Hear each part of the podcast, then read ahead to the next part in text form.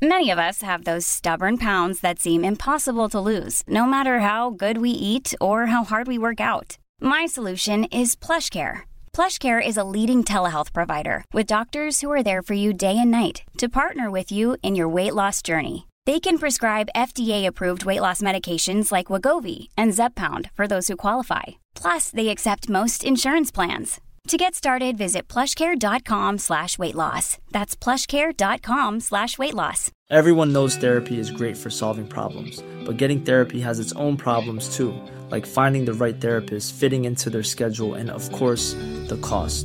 Well, BetterHelp can solve those problems. It's totally online and built around your schedule. It's surprisingly affordable too. Connect with a credentialed therapist by phone, video, or online chat, all from the comfort of your home. Visit betterhelp.com to learn more and save 10% on your first month. That's BetterHelp, H E L P. Ryan Reynolds here from Mint Mobile. With the price of just about everything going up during inflation, we thought we'd bring our prices down. So to help us, we brought in a reverse auctioneer, which is apparently a thing. Mint Mobile unlimited premium wireless. Ready to get 30, 30, bit to get 30, bit to get 20, 20, 20, bit to get 20, 20, bit to get 15, 15, 15, 15 just 15 bucks a month. So, Give it a try at mintmobile.com slash switch.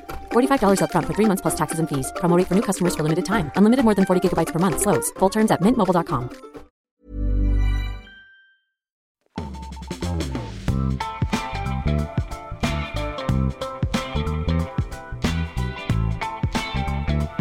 Hallå där ute i den eh, pinande novemberkylan.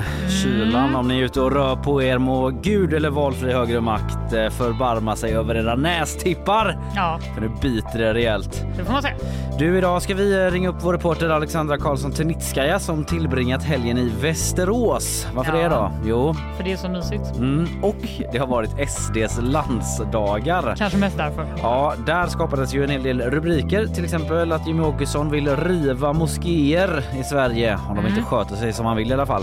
Vi ska reda lite i det utspelet och höra med Alexandra vad som went down i Västerås eh, egentligen. Till exempel sägs det ju att Jimmie Åkessons tilltänkta efterträdare tog nya kliv på den resan. Det är spännande. Mm, verkligen.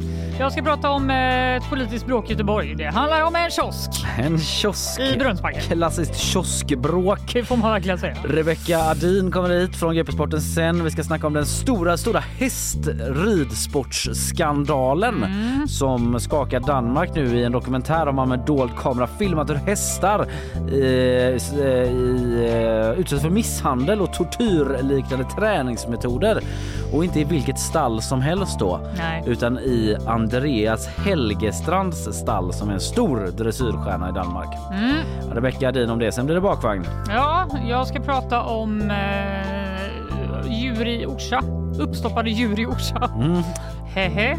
Och om eh, att Bonde söker fru nu vill ha en fiskare Fiskare söker i fru. Bohuslän. Va? Va?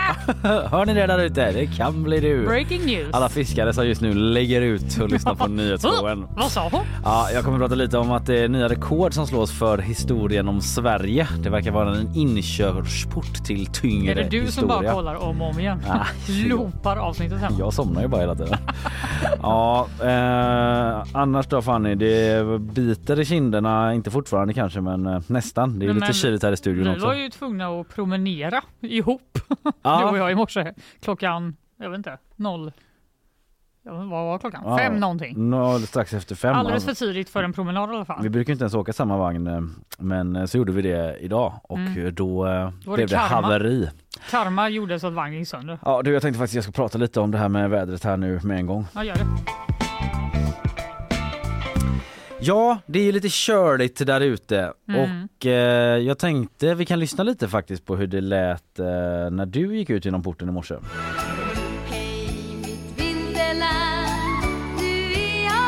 Classic Fannevik Culture och dansa ut.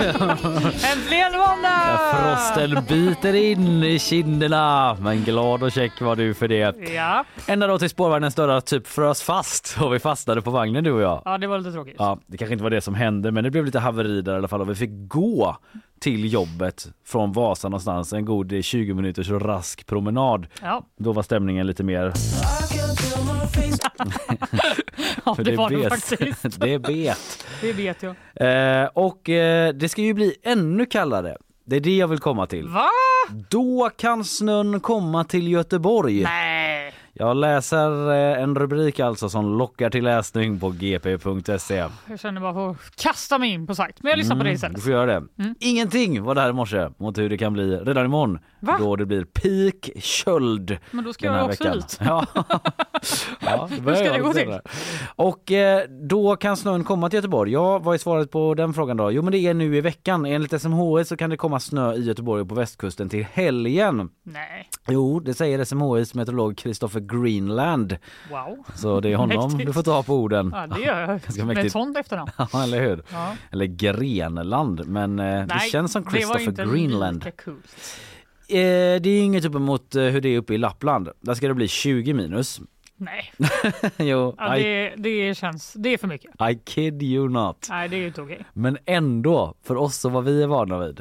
Mm. Eh, så du vet, det är ju blåsigt också. Då får man ju lägga på några minusgrader, det är sen gammalt. Så är det. Eh, men det kan krypa ner till så lågt som 5 minus dagtid. Dagtid? Ja, det är det jag säger Fanny. Wah, Redan wah, imorgon. wah. Och då är det ju självklart ännu kallare på eh, morgon, kväll och eh, de tiderna då vi är uppe och stryker runt på gator och torg. Det var det jävligaste. Köldpiken, den kommer på tisdag och då är det inte omöjligt att det kan komma snö då till första advent som sagt, alltså på söndag. Gud vad mysigt. Ja, det kan bli mys. Eh, Det verkar också som vi blir förskonade från snökanonseffekten. Kan inte du beskriva den lite kort? lite Är kort det bara. Greenland som säger så här? Ja, Eller är det du som är Nej, det är Christopher Greenland som pratar om Eh, snökanonseffekten. Jag gissar att det är att det kommer supermycket snö på en gång. Ja, det, det är riktigt. Eh, det är när snöområden ligger, alltså när snöområden och snöbyar färdas över relativt varmt vatten. Nyckelord Mm. relativt då, för det är ganska kallt i Östersjön. Men relativt varmt, för där eh, ligger det just nu snöområden då. Och då samlar de på sig extra energi från det här relativt eh, varma vattnet. Och då blir det en snökanonseffekt. De jobbar liksom Kanon, kanon, kanon, kanon över hela Sverige så. Kanon! kanon, kanon, Effekt, effekt. kanon. Du gjorde bara klart halva ljudet. Du måste lägga in halva ljudet själv. Ja, precis. Ibland får man jobba så. Ja. Då snökanonerar de sönder hela Sverige liksom och det lär främst drabba ostkusten då som ju är närmast Östersjön. Eh, Men om det här snövädret liksom orkar hålla i då och ta sig in över Vänern och Vättern då kan det samla ännu mer energi där och bibehålla snöandet ner mot västkusten och släppa ut den här snön då fram till helgen. Det är lite så meteorologen Christopher Greenland beskriver det hela. Och eh, ja, det om snön egentligen ja, men jag har ju sett snö hela helgen nu på alla stockholmares stories. Ja, det är mycket där uppe eller? De har ju riktigt mycket snö. Är det vad, Alltså vad för att vara är det liksom Ja, det är det. Ja, vad gör de då? Jo, Fråga jag fram. ser eh, folk på fyllan kasta snöboll på varandra etc. Breaking news från Stockholm. Kasta snöboll på fyllan. Det, det är bara en inblick i mina Instagram stories Mm. som du har nu. Det kan bli Göteborg redan till nästa helg. Då är det du och jag som går ut på ett snöbollsfylle-fight Vasaplatsen. Fan, är inte det de från nyhetsshowen? Står och mular dig. Nu har vi i alla fall varnat er om ni råkar se det. Det är det vi planerar att göra. Går för långt så bara öser ner snö innanför tröjan på dig. Öh, Fanny. Om ingen är här på måndag så är det för att det spårar ur. Ja, mm, på tal om eh, olika väderfenomen eller saker som sker i himlen i alla fall så måste vi ändå prata lite om att det har ju pågått ett norrsken här i trakten i helgen. Alltså, jag har förstått det på olika bilder. Mm, Men jag har inte sett det själv. du har inte varit uppe och... Nej, men det var mycket Spanat. typ att du var så här, gå till en helt mörk plats bara. Jag bor ju mitt i stan. Går. Nej, det är för mycket jag. lampor och sånt. Ja, och sen också typ efter klockan tio. Jag bara, det kan jag absolut inte heller göra. Nej. Då sover jag. Jag tänkte säga att du kanske ändå är uppe lite senare ibland men Har sov, somnat åtta ja, varje dag den här det blir inga astronomer av oss. Nej. Eh, det blir inga Karl Bergstrand av oss heller. Han är norrskensentusiast. Det kan man inte kalla dig för Fanny. Det kan man inte säga. Men jag hade gärna, jag hade gärna sett det, men jag tycker inte jag anstränger mig för att se det. Nej, norrskenet får komma till dig. Är det så jävla mycket begärt? Nej, eh, solen är väldigt aktiv just nu säger Karl Bergstrand då, norrskensentusiast till oss på GP. Eh, och eh, det är det som bidrar till att det syns så sö- långt söderut som i Göteborg då. Det var ju många som fångade det här norrskenet på film. Tydligen. Isabelle Magnusson i Gråbo till exempel. Jaha. Hon eh, som varit i Norrland massa gånger berättar hon men inte sett det där och så hemma på verandan i Gråbo. Pang! Upp Fan i vad helt himlen. onödigt att åka till Norrland. Ja hon säger det själv. typ. Hon, skojar, hon skojar lite, hon verkar Ja, skoj. Ja. Men det har setts även på hissingen då i Angered, Frölunda, Lerum. Lerum. Lerum. Shall I go on? Ja. Nej men du förstår, fattar. olika orter i Storgöteborg. Ja. Kan inte radda hur många som helst, ni kan föreställa, eh, er själva. Och eh, det handlar ju inte om vädermeteorologi det här utan om astronomi. Säger Mm. en meteorolog som vi pratade om. Det liksom är partiklar då som slungas in i jordens atmosfär. Och Robert Cumming som är astronom vid On- Onsala rymdobservatorium. Han såg det här fenomenet själv då när han var på väg eh, från en fest i stan. Hem. Ja. Han bara, is this the real life? Is det jag this just fantasy? Medan vi låg hemma och sov sött så var Robert Cummings ute och festade och Ja. såg det här på vägen hem då. Och det händer ju typ aldrig att man ser norrskenet mitt i stan säger han. Dessutom när månen lyser. Så det var liksom ett sällsynt tillfälle då. Och han förklarar vad det norrsken är egentligen. Tänker jag dra den lite Ja, snabbt vill för alla veta som det. eh, Jag vill veta. Det handlar om ljus från atomer och molekyler i luften som lyser för att de träffats av partiklar, partiklar från solvinden. Det är så dragigt där uppe från solen. Ja, men det kallas ju för solvinden som se ut. Någon som har lämnat ett fönster uppe på solen. Så Ah, okej. drar det. Nej men det är extra mycket partiklar från solen just nu då. Och eh, den är ganska aktiv just nu och det kommer vara så det närmaste halvåret. Och det är ju vintertid med mörker så det finns ganska goda chanser framöver att se norrsken även på lite sydligare breddgrader då. Kanske att man redan ikväll kan göra det faktiskt. Va? Det finns goda chanser för att Eh, det skulle hålla i sig redan eh, till igår eh, skrevs det i lördags i vår artikel men även till måndag.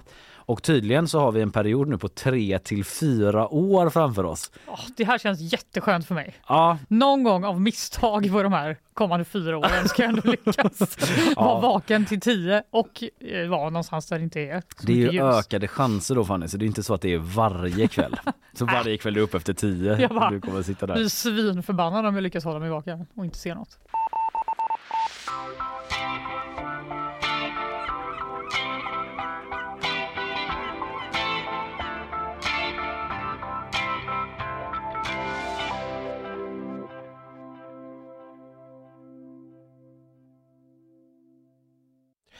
Du Fanny, det har ju varit eh, landsdagar i Västerås för eh, Sverigedemokraterna och det blev ju en och annan rubrik från det. Du kanske har stött på några?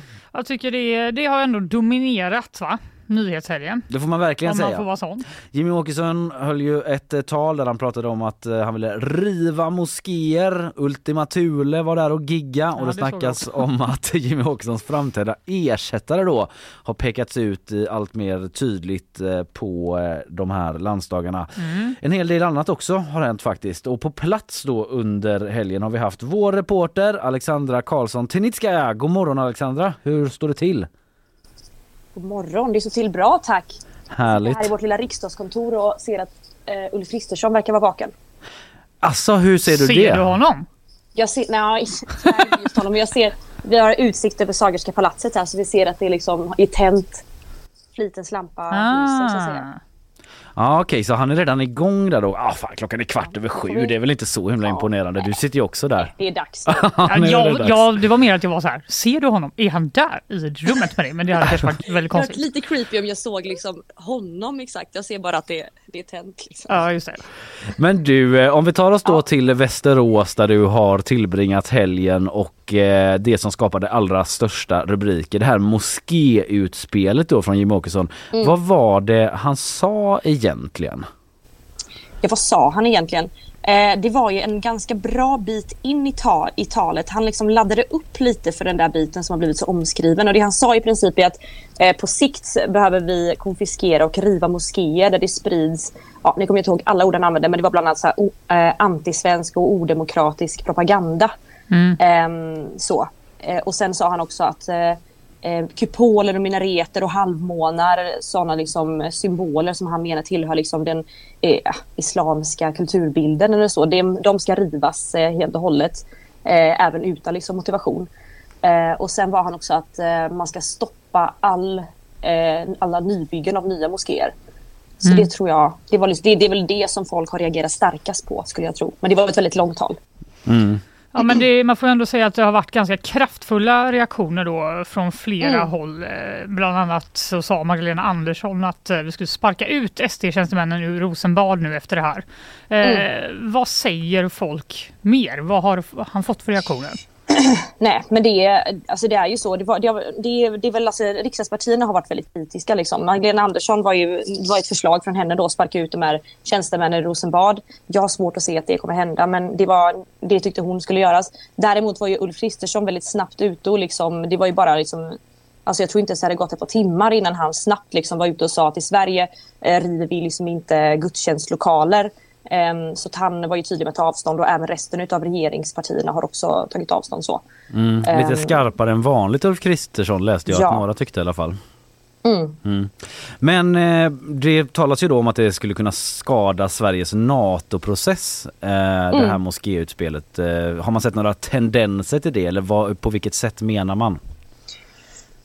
Nej, men det som jag tyckte var väldigt intressant var att eh, alltså, ungefär lika snabbt som Ulf Kristersson svarade på detta hade ju det här redan skri- omskrivits i typ alla turkiska medier. Så det visar ju verkligen att de har ju verkligen koll på vad vi i Sverige säger och kanske framförallt vad Sverigedemokraterna säger eftersom att de kritiserar, alltså de har haft liksom eh, den typen av retorik mot muslimer tidigare och det har varit en känslig fråga för Turkiet. Så att eh, eh, ja, det tyckte jag var intressant. Och det visar verkligen att eh, Turkiet har koll och att det har skrivits så mycket. Och då är det ju flera experter, alltså Turkiet-experter som bland annat vi på GP har pratat med som säger att det här skulle kunna ja, påverka vår relation med Turkiet helt enkelt. Man undrar om turkisk media liksom eh, lyssnar på SDs eh, landsdagar eller om det sitter någon, och, eh, liksom någon vänsterpartist som inte gillar NATO och bara skickar till deras tipskanal och så. Det vet väl inte du Alexandra? Men, Jag varit har inte den insynen, jag är ledsen. Jag har inte så bra insyn i just turkiska medier. Men nu har vi pratat lite om reaktionerna utanför då. Vad tycker Sverigedemokraterna på plats som du har pratat med om just det här moskéutspelet? Eh, alltså nu har inte jag pratat med jättemånga men de som jag bara eh, pratade lite snabbt med var ju, det var ju bara positiva liksom, eh, känslor och så. Eh, det här är ju liksom, om man pratar liksom internpolitiskt i SD så är det här liksom ingenting som är kontroversiellt och det var också tydligt under talet att det, alltså det, det, det ropades ju och tjoade och alla applåderade och sådär så det var liksom inga konstigheter. Så. Utan det är, det är tvärtom liksom Jimmy Åkessons alltså, egna liksom, eh, partikollegor som har varit ute och försvarat det här talet. Och det sticker väl ut att det är, alltså, det är bara SD, SD-personer som har varit ute. Ja, just och det. Sagt att det här var toppen. På tal om eh, tjo men kanske även Kim då. Eh, det har ju ändå varit, eh, det är ju liksom, det blir lite, de här, det är ju så här kongresstider lite grann för många partier och det blir väl Ja. lite firmafeststämning tänker jag. Alla samlas och ses och sådär och eh, Ultima Thule ska ha spelat på någon fest där till Björn Söders stora glädje läste jag. The circle is complete skrev han på X. Love these guys skrev han också. Love Varför skrev han det på guys. engelska? Jag vet inte, det är väl för att turkisk media ska kunna... Han, bara, "Listen to this cool på band." utrikes- förlåt. Vad sa du Alexandra? Eh, nej, jag sa att han, han, det är hans, en, del, en del av hans liksom, eh, självbild. Så att säga. Han satsar verkligen på utrikespolitiken nu när han inte har kvar sina, sin plats i styrelsen och sådär. Så han försöker liksom, ja, den bilden av honom ska vara att han är väldigt internationell. Jaha, okej vad intressant. Men du, hur är liksom stämningen då? Du som ändå har hängt runt där. Det går ju så bra för SD nu också i olika mätningar och sådär. Är det liksom festmode eller hur skulle du beskriva det? Ja, alltså stämningen är toppen. Verkligen festmode. Nu var inte jag med på festen för där var inte journalister eh, välkomna så. Men det var ju ingen, alltså det var ingen sån... Eh, det, det, alltså egentligen så går det ju bara framåt och uppåt för SD. Det finns liksom ingen anledning för dem att uh, oroa sig för uh, någonting i princip. De... Ehm, nej men det var liksom, det var även det som en stor del av Jimmie Åkessons tal um, handlade om. Han återkom hela tiden till segertåget, tuffa, tuffa vidare, segertåget, tuffa vidare sa han kanske fem gånger. Så det är verkligen det, det som är känslan i- hos det partiet just nu. Men eh, annars har det ju varit rätt mycket snack om Linda Lindberg som valdes till andra vice ordförande. Då. Vem är hon? Är det hon som ska liksom ta över för Jimmy någon gång i framtiden? Eller vad tror man? Ja, men det är väl, det det är väl personer som tror det. Ehm, precis, hon, han har ju flera titlar. Det är precis som du sa, då, nyvald andra vice partiordförande. Och sen är hon också eh, ledare, alltså ordförande för SD-kvinnor. där man har sett henne mest kanske. Men hon har också fått ett väldigt prestigefyllt uppdrag den här mandatperioden som är att hon är gruppledare i riksdagen. Det är ett väldigt tungt uppdrag. Så att hon eh, är verkligen, sitter på flera tunga positioner i partiet. Kommer från Malmö. Ehm, ja, vad kan man säga om henne? Det snackas om att hon ja, men är en av kandidaterna att ta över efter Jimmy Åkesson har jag hört. Ja, ju precis. Um, så är det. Men uh, det finns flera kandidater och uh, jag tror det, det som också har sagts om henne är att hon kanske inte har liksom lika mycket den här partiledarkarisman ändå. Eh, där hon kanske passar väldigt bra på just en position som till exempel gruppledare. Hon känns väldigt liksom ansvarstagande och sådär. Mm. Ehm, Hon har gjort en ganska snabb resa i partiet vad jag förstår. Ja. Mm. Hon har inte varit med så himla länge ens. Hon hade något Jimmy moment 2018 eller sånt där. Eh, som Gött. var, ja, Men att hennes, partier. att hennes bara- Jimmy moment var att höra Jimmy Åkessons tal om Sverige. Ja, att det brukar väl vara att man upplever något i vardagen. Ja, det där med. Jimmy moment. Men det var bara att hon hörde honom tala. Läste Ja. jag i någon artikel. Bra jobbat Jimmy med Men- ditt tal. Men du Alexandra, en annan grej då som eh, Ja. har blivit eh, viralt lite grann eller ganska uppmärksammat efter eh, de här SD-dagarna. Det var Jonathan Sager, eh, en Kalmar-SDare som eh, sa så här. Han pratade liksom om en motion han har lämnat in om eh, här eh, dragföreställningar av olika slag. Vi kan lyssna. Bifall på partistyrelsens förslag på min motion LO12 reglering av sexuell exponering för barn. Jag tycker det är ett väldigt bra svar partistyrelsen har gett och jag är väldigt glad över att du driver frågan. Kulturkriget är inte över för en dragqueen, en skamlös vinhora är ute ur landet. Mm. Vad, att han gick på, det har ju väckt ganska starka reaktioner på att han eh, eh, eller hörde du det vi spelade upp förresten? Eh, jag, nej, jag hörde inte men jag vet vad han har sagt. Ja, ja, men det är bra. Det är okej. Det bara slog Jag mig vet. här nu att bara just det, det är ett tecken du kanske inte hörde. det. Det är Men, ingen fara. men just det här att han pratar om att kulturkriget inte över förrän den här specifika dragartisten är ute ur landet. Så där, det väckte en del reaktioner. Just frågan om kulturkriget, är den väldigt levande under landsdagarna?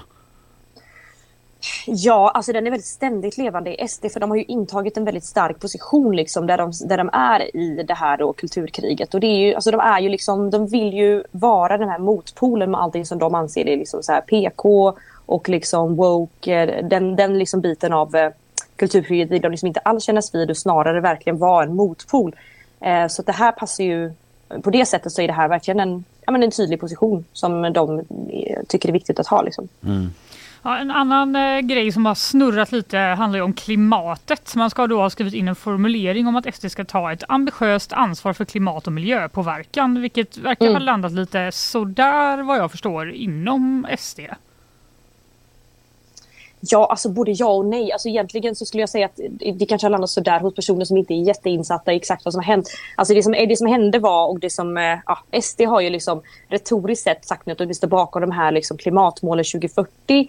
Eh, och det, alltså, regeringen försökte göra liksom en stor grej av det här. Nu står liksom alla åtta riksdagspartier bakom de svenska och eh, europeiska klimatmålen. Men det är ju inte riktigt så, för SD har inte ändrat sin klimatpolitik överhuvudtaget. Alltså i princip trots att de nu står bakom klimatmålen. Utan de kommer att köra på eh, på precis det de har sagt tidigare. Vilket är liksom, de vill ha ny kärnkraft och de eh, tycker att det är väldigt viktigt att skydda Sveriges ekonomi från att liksom drabbas av olika eh, ja, klimatåtgärder så att säga som andra partier skulle kunna föreslå. Så för dem är det väldigt viktigt att vi liksom und- för det som kan hända om man inte klarar klimatmålen är att man får böter från EU som land till exempel. Och det tycker Sverige, eller SD är väldigt viktigt att undvika. Så vi kom, de vill att vi ska jobba liksom med eh, utsläppsrätter och sådär mycket. Eh, och det, har de sagt alltid. Så att det är ingenting som har förändrats i princip. Nej just det. Det var någon källa till Svenska Dagbladet som sa att det kan uppfattas som att vi tillber Greta när de skulle ta ett an, eh, ambitiöst ansvar. Men att liksom hon och hela hennes rörelse, Greta Thunberg, alltså är någon sorts red flag inom vissa SD-led det verkar det ju som. Absolut. Men du eh, Sofia, nu framåt då. Nu har ju du liksom eh, varit hela helgen här i Västerås. Eh, Är det liksom ur askan i elden eller ska du vara ledig ett tag efter du har pratat med oss? Eller vad händer idag? Eh, menar du för mig eller för SD? Ja, för dig och SD. jag, jag, är på, det, jag, jag ska inte vara ledig. Idag är jag på plats i riksdagen och ska fortsätta jobba med eh, politiknyheter. Eh, det får ni läsa mer om snart på gp.se helt enkelt. Det gör vi. Mer än så kan jag inte säga. Nej, det kommer alltid nya grejer där från dig och kollegorna Alexandra Karlsson Tenitskaja. Eh, tusen tack för att du var med oss eh, Alexandra. Vi eh, Tack. hörs säkert snart igen. Det Det gör vi. Japp.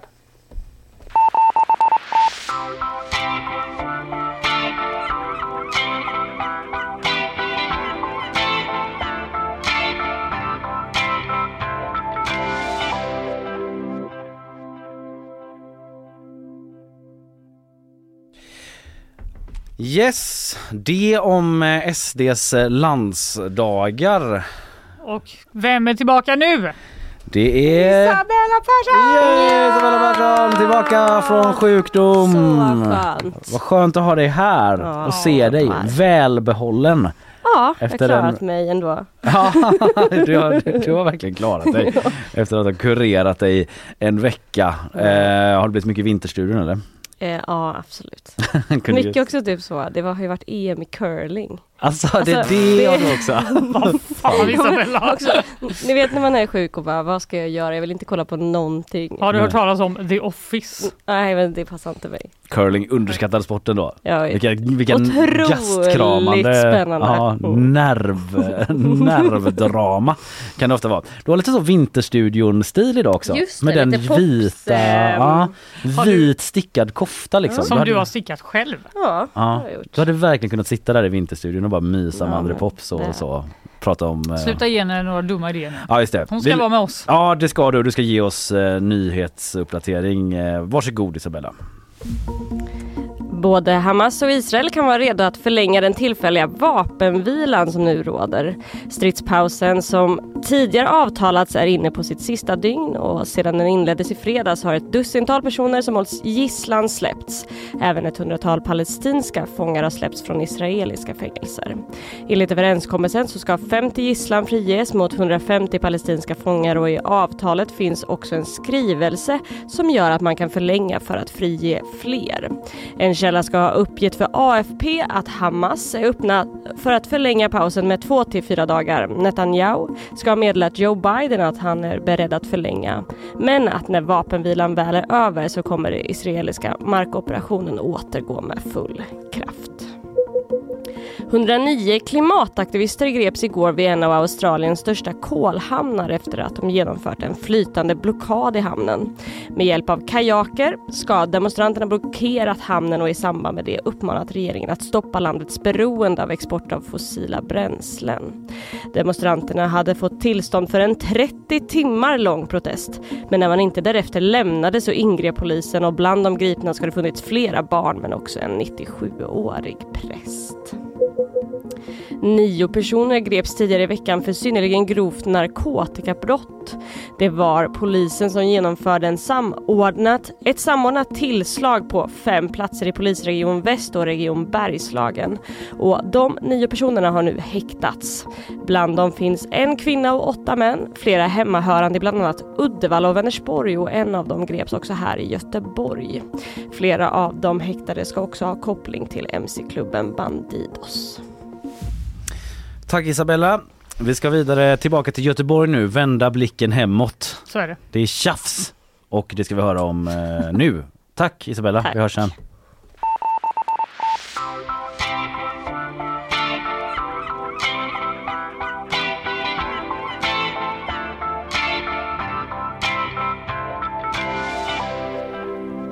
Ja, det är inte bara tjafs på riksplan. Nej, Det är även tjafs i Göteborg. Härligt. det är ju ska det vara. gammalt. Ja, ja, inom politiken. Där måste Inom man politiken. stöta sina åsikter mot varandra. Exakt. Så funkar det- politik. Ska jag berätta mer? politik. Det är jag nöjd med där. Eh, jag Släpper skulle över ordet till dig. sig gärna vilja, att du berättar mer om det här. Hur skulle du ens ta dig vidare? Men skitsamma. Ja, Nu kör jag istället. ja. Det, det tjafsas om är en kiosk. En kiosk ja. Kiosken ska ligga i Brunnsbacka. Jag har hört lite om detta. Mm, Sett det en finns bild. eh, en artikel på g.se om man vill se hur denna kiosk ser ut. Denna det- mycket omdebatterade kiosk. Exakt, Alltså. det kan vara lite relevant men eh, vi kan lägga upp en bild sen på Mm. Instagram. Eh, hål i huvudet! Det tycker Jörgen Fågelklo från Sverigedemokraterna om att denna kiosk i Brunnsbacken ska byggas. Är det liksom väldigt göteborgskt? Det är ju hål i huvudet. Jag vet inte riktigt hur Jörgen Fogelbro pratar men vi Han gillar ju mer, alltså nyhetsshowens officiella linje är väl att man säger hål i hatten va?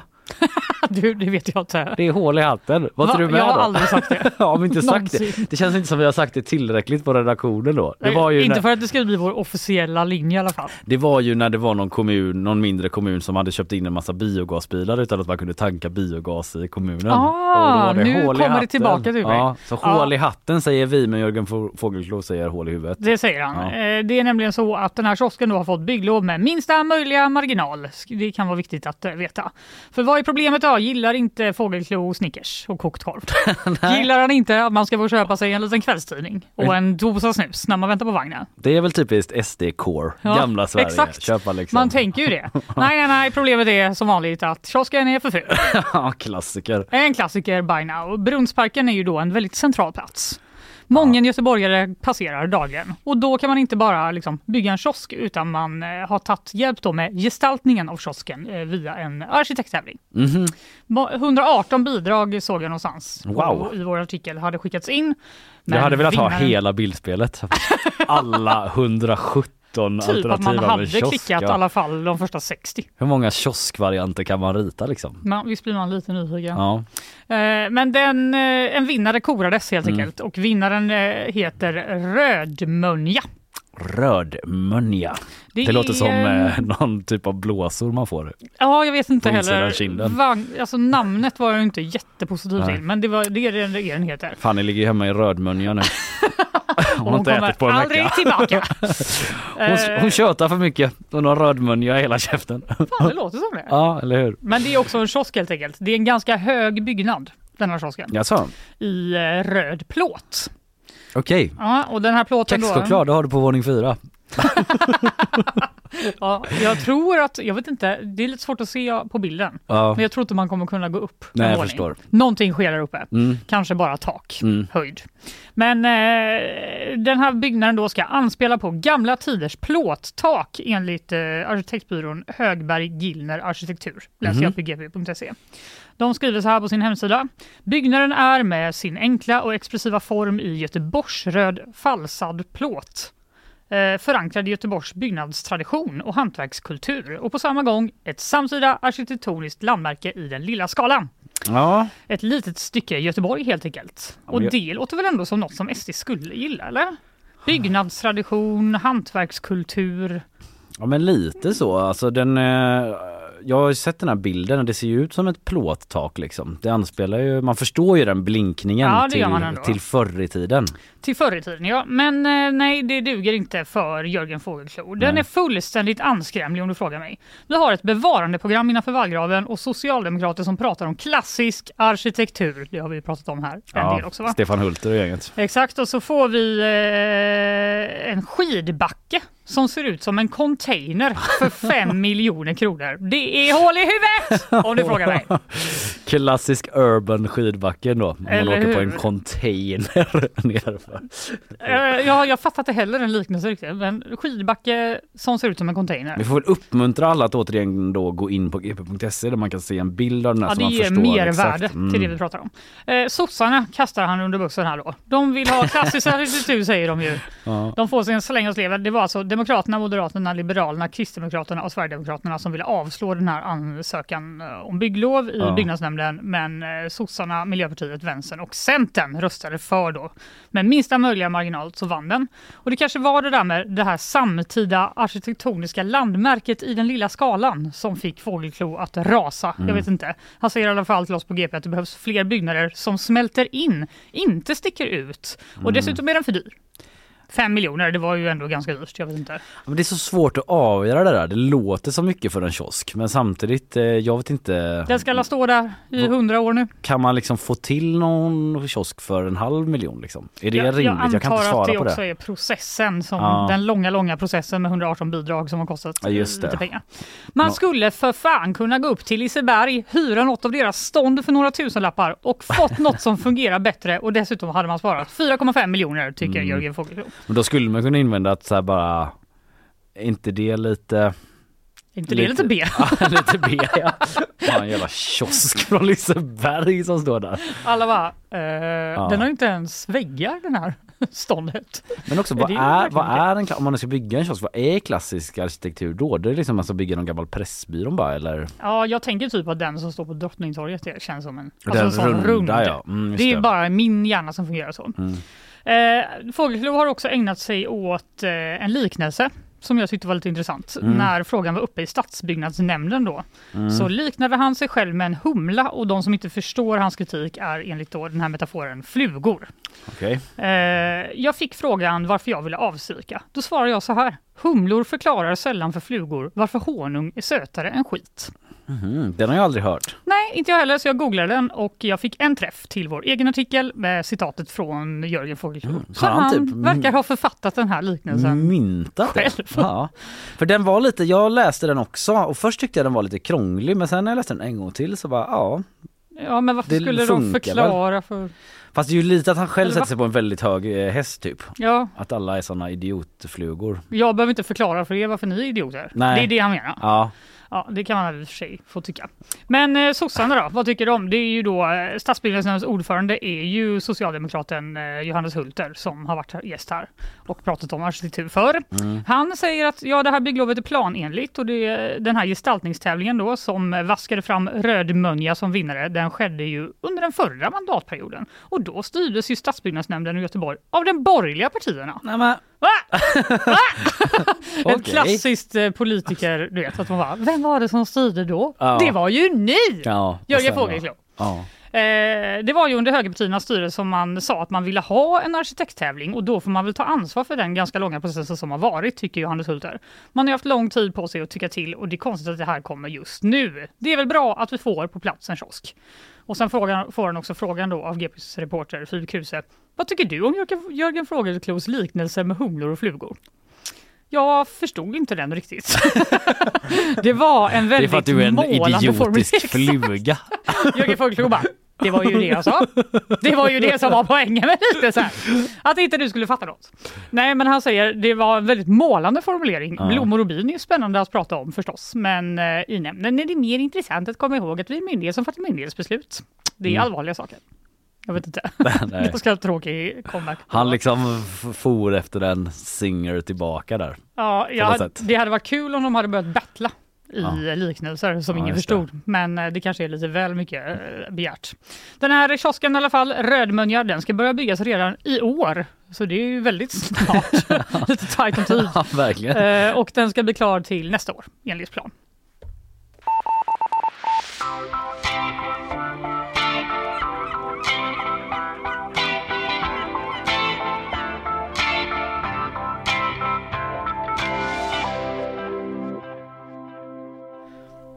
Ridsport, skandal, Danmark. Där har du tre ledord inför vad vi ska prata om härnäst med Rebecca Adin från GP Sporten. Eh, Den här skandalen skakar Danmark och ridsporten överlag vågar jag nog säga efter att man med eh, dold kamera då i en dansk dokumentär har fångat eh, hästmisshandel på film och eh, Rebecca ska hjälpa oss att gå igenom detta, vad det är som har hänt och eh, vad eh, höga pampar, höga personer i alla fall inom ridsport Sverige har att säga om den saken. Häng kvar!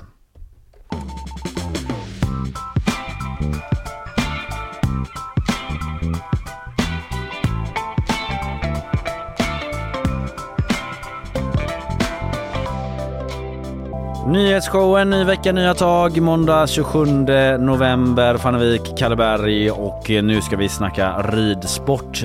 Dansk sådan skakas nämligen av en jätteskandal just nu där en av landets största dressyrstjärnor, Andreas Helgestrands och hans medarbetare anklagas för hästmisshandel, att detta ska ha skett i hans stall då. Det här efter att en reporter i danska TV2 filmat med dold kamera på Helgestrands gård alltså.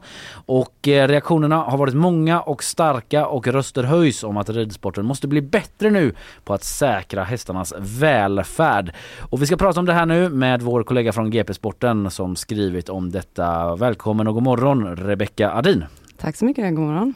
Du, den här skandalen, om du skulle sätta den i perspektiv, hur stor är den i Danmark och kanske hästvärlden? Ja, jag skulle nog säga att det är ganska stort, eh, inte bara i Danmark utan eh, runt i hela världen, för det här sätter ju ljuset på någonting som många har kritiserat under många år. Eh, just vad som händer bakom väggarna, bakom tävlingsbanorna och eh, ja, där publiken inte kommer åt helt enkelt. Mm. Vi ska gå in lite mer på vad, exakt vad som har hänt, men bara för kontextens skull. Berätta om den här Andreas Helgestrand då. Vem är han? Ja men han är ju en dansk eh, landslagsryttare och han var väl egentligen i, eh, i topp runt 2008 när han red hem ett OS-brons ihop med danska landslaget och sen eh, startade han ju den här verksamheten då när han försäl- säljer och föder upp dressyrhästar. Mm. Och den har ju då vuxit väldigt, väldigt fort på de här korta åren ändå, det är ungefär 14 år som har hållit på, till att bli någon slags global multimiljardärsföretag inom ridsporten. Mm. Och också köpt in sig i flera olika verksamheter. Så att han har ju dels en ryttarkarriär men sen har han ju också ett väldigt stort, eh, eller väldigt stort inflytande på hela ridsporten i världen. Mm. Och, just och det är dressyr eh, han eh, sysslar med Mm. framförallt? då? Ja men precis, det är Mm. dressyr. Men hans verksamhet eh, har också en del eh, att göra med hoppsporten. Till exempel tyska hoppryttaren Ludger Bierbaum är med i hans eh, stora globala företag.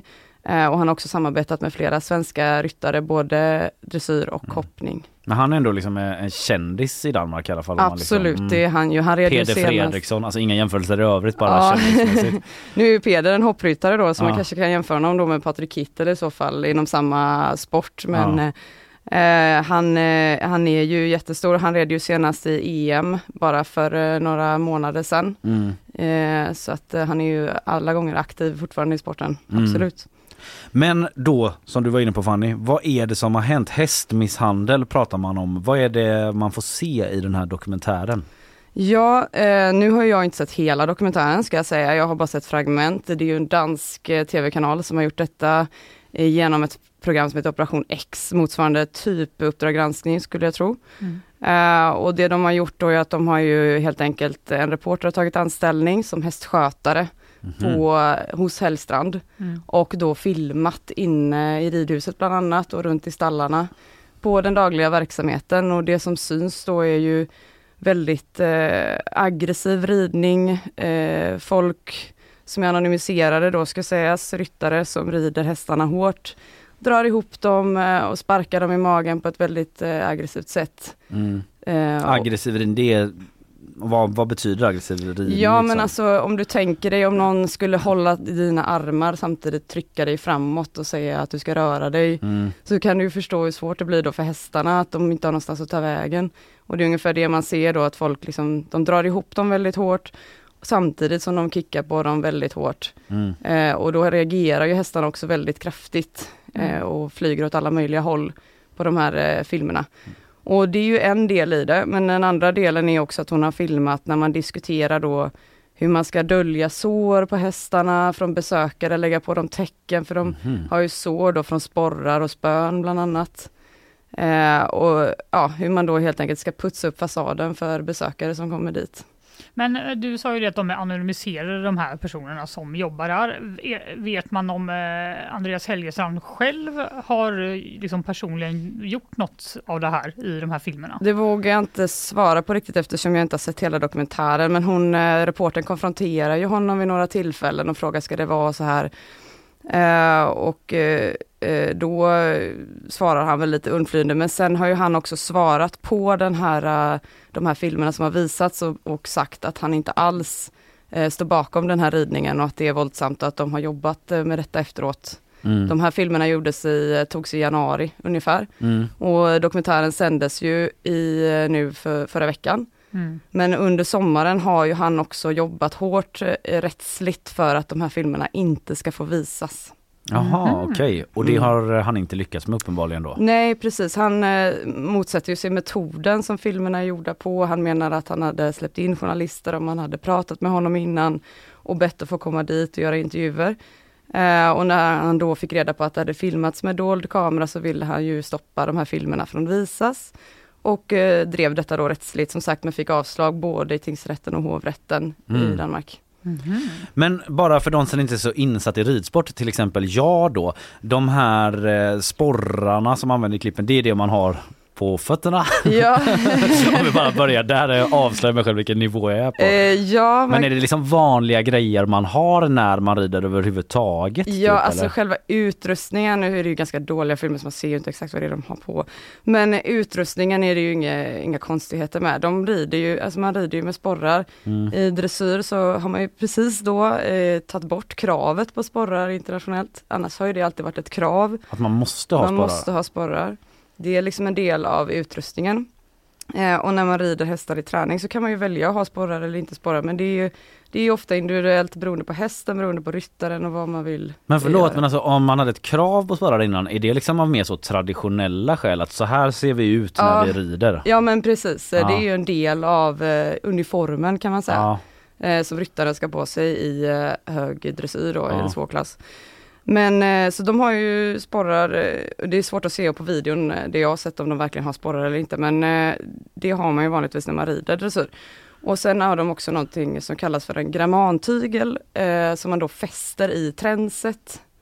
Eh, och sen så sitter den under liksom mellan frambenen på hästen i saljorden. Mhm. Och det som den här tygen gör det är att eh, den gör det ju svårt för hästen att lyfta huvudet. Mm. För i dressyr så vill man ju, eller egentligen inom all ridsport, så vill man ju att hästen ska jobba med sin överlinje och då behöver den liksom komma fram med ryggen för att liksom lyfta upp magen och, och eller komma fram med huvudet för att lyfta upp magen och, och lyfta upp ryggen och jobba med rätt muskler. Mm. Eh, Det är ju som när du gör en knäböj till exempel, så vill ju inte Mm. du eh, Det var ett tag sedan. Jag förstår vad du menar. Ja. Men när man tränar, att man Ja. ska göra det på rätt sätt och det är samma med hästarna då. Och, Man tvingar dem att ha den hållningen mer. Ja, det blir ju lite tvingande då med grammanen. Eh, man vill ju att hästen ska komma dit av sig själv såklart. Men ibland kan man då behöva guida hästen och då kan man sätta på en så kallad hjälptygel då, som den här grammanen är. Mm. Men den är också, den gör ju att hästen blir väldigt, väldigt, vad ska man säga, eh, inte känslig men liksom eh, nästan eh, lite skör för ryttaren. Att du får Mm. mer, mer kraft i dina händer. Och det sätter ju mer ansvar på dig som ryttare att om jag tar väldigt mycket i grammanen så kommer hästen att krulla ihop sig väldigt mycket. Mm. Och den har liksom ingenting att säga till om där. Även om den är, väger ett halvt ton. Så när den går i den positionen så är det väldigt, väldigt svårt för den att göra motstånd. Mm. Och eh, det man ser då på videon är att de drar de här tyglarna väldigt, väldigt hårt. Mm. Så hästarna går väldigt, väldigt djupt och runt. Eh, I någonting som man kallar för hyperflexion eller rollkyr kan det kallas också. Mm. Och det är någonting som är väldigt eh, tabu inom ridsporten. Eh, Ja, för jag antar att Ja. det redan finns en stor debatt om hur man ska bete sig mot hästarna. Och Ja. så här, man vet ju så de gångerna jag talar med hästsportsmänniskor och sådär, alltså både professionella och inte, att det, det här bandet som finns mellan ryttare och häst är ju väldigt starkt ofta liksom. Absolut. Eller typ alltid. Och just att, jag vet inte, det känns som att det är en sån himla eh, gräns att gå över liksom. Att behandla hästar på ett sånt här sätt och det är i ivran att eh, vinna olika medaljer och sånt antar jag. Ja, alltså nu vet man ju inte riktigt syftet varför de rider just i det här ridhuset just här. Nej, nej det här på var mer sättet, men generellt, så. Ja.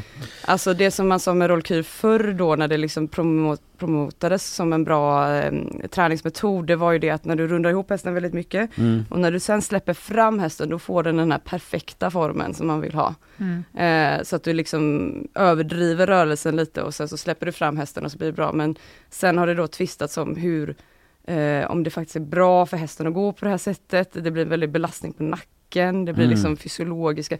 Men där tvistas det ju lite fortfarande om liksom vad det faktiskt innebär för hästen att gå så. Mm. Men man har ju kommit till någon slags konsensus om att det inte är bra för att det kräver ju väldigt, väldigt mycket kunskap från ryttaren att kunna Mm. hantera hästen i olika positioner.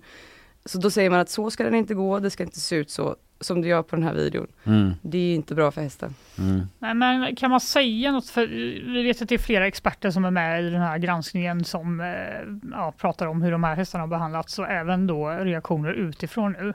Eh, Kan man säga någonting generellt om vad de här experterna säger? Ja, de alla, inklusive hästen själv, har ju sagt att det här inte är ridning, det är våld på hästarna, det som man gör. Just eh, på det sättet som ryttarna då kommunicerar med de här hästarna, genom att sparka dem i magen och dra ihop dem samtidigt. Det är inte så man vill att det ska se ut. Det är ändå ett konsensus Ja, det är om det eh, verkligen. den saken. Det är ingen som har försvarat de här filmerna, vad jag har sett i alla fall. Mm. Sen finns det ju en liten eh, detalj i det hela som är att den Andreas Hellstrand pappa Ulf Hellstrand är Mm. ordförande i Danska ridsportsförbundet också. Ja. Alltså du beskrev ju honom som en stor maktspelare på liksom flera plan, Andreas där. Men eh, hans pappa då har tagit en timeout nu.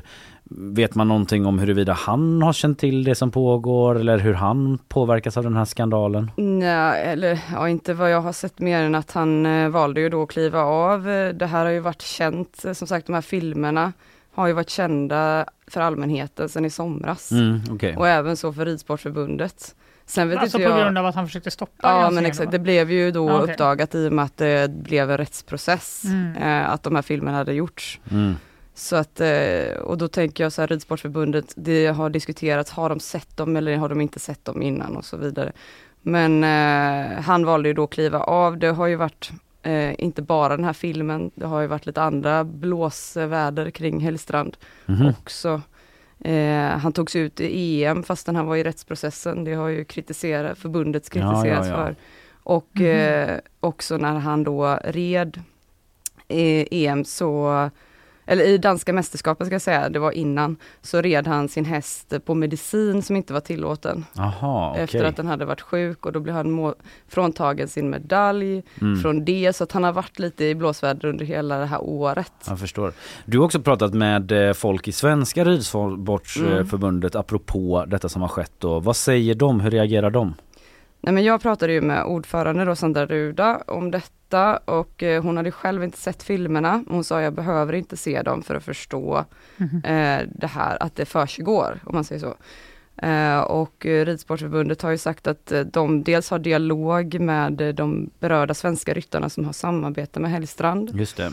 Eh, och sen också att man såklart beklagar att det ser ut så här och att man hoppas att, eh, som Sandra Rude sa, hon hoppas att det här slår ner som en bomb i ridsporten, att man verkligen tar tag i de här frågorna på riktigt. Mm.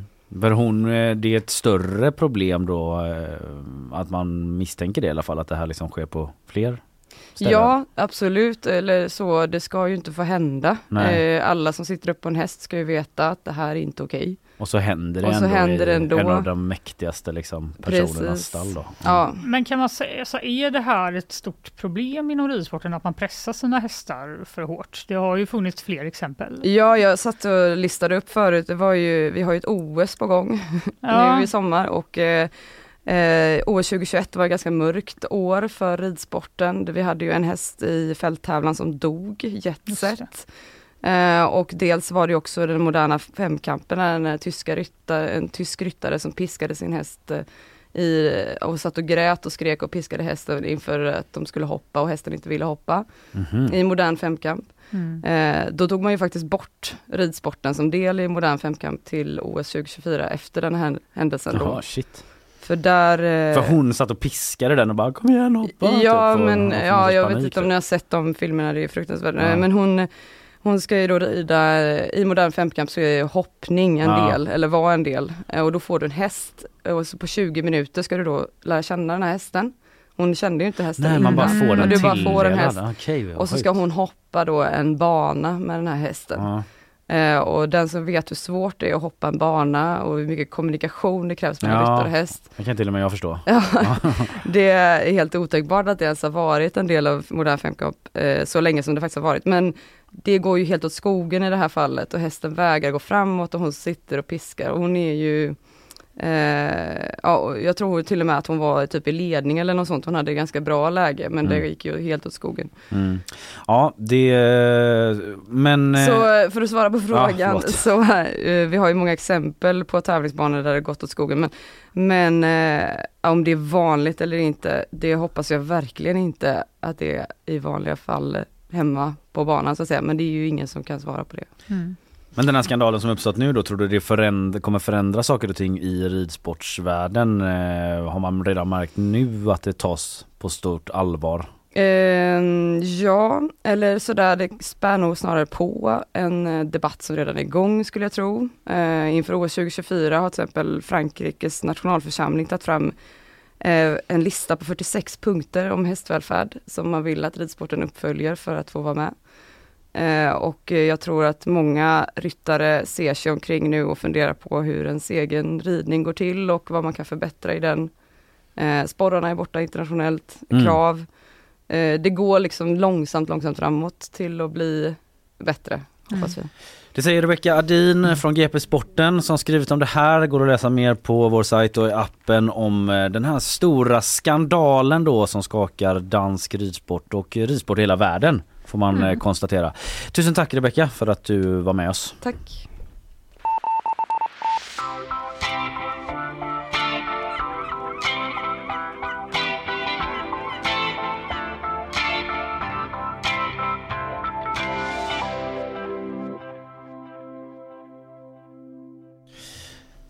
Ja Fanny. Vi har lite kvar att prata om nu och jag. Ja, det har vi verkligen. Både det ena och det andra. Så är det alltid i nyhetsshowen fullmatat med eh, det senaste och det allra senaste. Det ska vi få eh, nu från eh, Isabella som gör sig i ordning här vid mikrofonen. Senaste Kulturnytt Senaste. Kulturnytt! Då spetsar jag öronen. Ja, Det känns uppfriskande och kul. Vad är det som sker? Nu har P3 tröttnat på Partille. Har P3, och då förstår jag, då handlar det om P3 Guld P3 alltså. Guld. Och Inte- Enda gången man märker att P3 existerar i Göteborg. Ja, men enda då gången, enda gången någon eh, kultursverige var pigg på Partille var väl Ja, tidigare då, verkligen. nästan. Men nu är det slut på det. Ja, för de ska inte vara där längre eller? Nej, Musikalen lämnar nu Partille Arena och flyttar festen till Stockholm. Bö! Och- Nej, jag skojar. Jag kanske ska säga då, det är lite hårt att säga att de har tröttnat på Partille. Ja. För de tycker nog ändå att det var ganska trevligt. Trevligt. att vara där. Vad tycker du om den här nyheten Kalle? Vi har ju hört vad du tycker om. Äh, Man känner liksom att eh, de lämnar ännu en ort utanför Stockholm, faller tillbaka in till huvudstaden Ja. liksom. Trevligt. Eh, Det går så liksom vad bra det går med deras uppdrag att Ja. finnas i hela Sverige och så vidare. Men har det, det har ekonomiska skäl Ja. bakom sig då eller? Det var Partille kommun som behövde ekonomisk garanti om biljetterna sålde för dåligt. De ställde liksom ett krav då tillbaka att du får gärna vara här men vi är i en tuff ekonomisk situation och man kanske inte vet hur efterfrågan kommer vara från liksom publiken. Man kanske måste prioritera sina utgifter. Man kanske inte har råd att gå på gala och då Mm. liksom Partille kommun till till P3 då, Sveriges Radio att vi behöver lite ekonomisk garanti från er och då sa de Jaha, så, det går inte. Så att egentligen de, var det Partille som tröttnade. Ja, på P3. så var det. Partille har tröttnat på P3. Jaha. Och de har ju den lokalstationen typ, Radio Partille. Ja, de, de sånt. bara, vi behöver inte er. Nej, Ja, vi har vår egen gala. Så att om P3 bara liksom sålde halva arenan så skulle de ändå vilja ta pengar för hela ja, typ. men lite liksom. så. Ja. Lite så. ja, ja, ja. Eh, Så då ska de vara i Stockholm nu ja, då? Sveriges Radio ska ha försökt hitta en annan lokal i Göteborg då. För att ha kvar Ah, festen här. okej. Men det fanns ingen som var Det finns inga lokaler Nej, det fanns ingenting som Ah, passade. Ja. Så nu... bara, nej tyvärr, det gick inte. Nej, Nej. det här påminner mig om en diskussion jag hade på en av mina långa haranger på en radiofest. Men jag lämnar den där här för jag kommer inte ihåg exakta detaljer. Var det något med Västlänken? Ja, det var något med vad som finns och inte finns i Göteborg Just så att säga. Vad som gör det så himla svårt att Ja. göra olika saker i Göteborg. ja. Det. men Men, de- jag ser att vår gäst från i fredags, Torbjörn eh, Averås Skog, Skogerup, Ja. ska vara programledare. Han kommer vara programledare och han kommer där, hålla ja. till i eh, TV-huset i Stockholm. Ja, det är där de ska Där vara. kommer de det. TV. Nej, det var lite slappt. I en studio där så det blir nog lite mer så intimt och lite så färre gäster. Det låter som liksom- en helt annan grej. Ja det blir inte riktigt en sån. Det blir eh, inte en publikgala på det sättet. Nej. Utan, som de hade under pandemin Ja. hade de ju en sån. Mm. Te, Ja. Som bara var för de, tv-tittarna. de var i något hotell då tror jag. Ja, det var Ja. lite konstigt Mm. faktiskt. Men eh, nu blir det TV-huset. Mm. Ja, ja. På tal om ekonomi då. Ja, tack. Ja, ekonominyheter vill vi alltid ha och eh, nu handlar det om bakning What? och ekonomi. Jaha. För det är ju snart dags för Lucia. Vi är första adventen på söndag. Ja. Det ska ju julbakas. Ja. Ja, vi är redan igång där hemma. Asså? Är Men ni? det är bara för att eh, min äldsta son är så jultokig. Han började för flera veckor sedan. När är det 1 december? Nej. Har ni bakat lussekatt?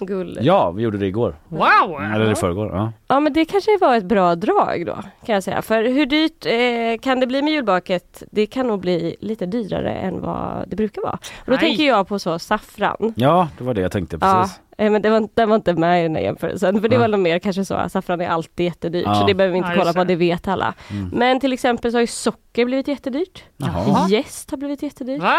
Vetemjöl har ökat.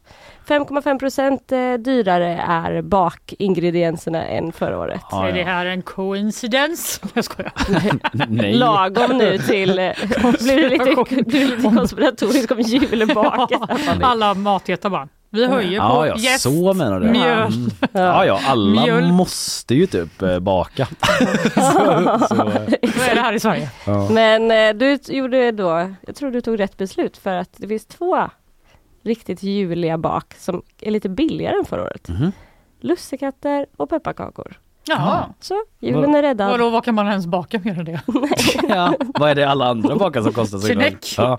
Jag ska baka min gamla jul eh, liksom sockerkaka typ. Nej, fy. Jo men det finns ju massa gott. Sån här Julbröd. choklad, ischoklad och det är i och för sig inte så gott. Det håller jag Inte så med om. mycket jäst i det. Socker är det väl i och för sig då. Det är Väldigt mycket socker.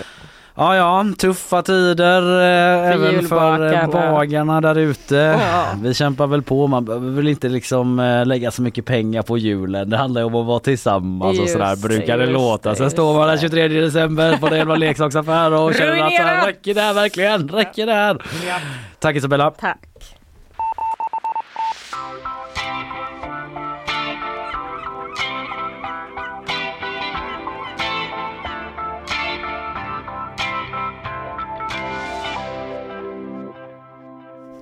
Typiskt. Ja, typiskt, typiskt. Du, vi tar väl Bonde söker fru-nyheten. Ja. Det var väl lite roligt. Det lät lite kul. Jag ja. läser i vår syskontidning Bohuslänningen nämligen. Mhm. Eh, är du fiskare? Nej. Eller känner du någon som jobbar på havet Mm. och dessutom törstar efter kärleken?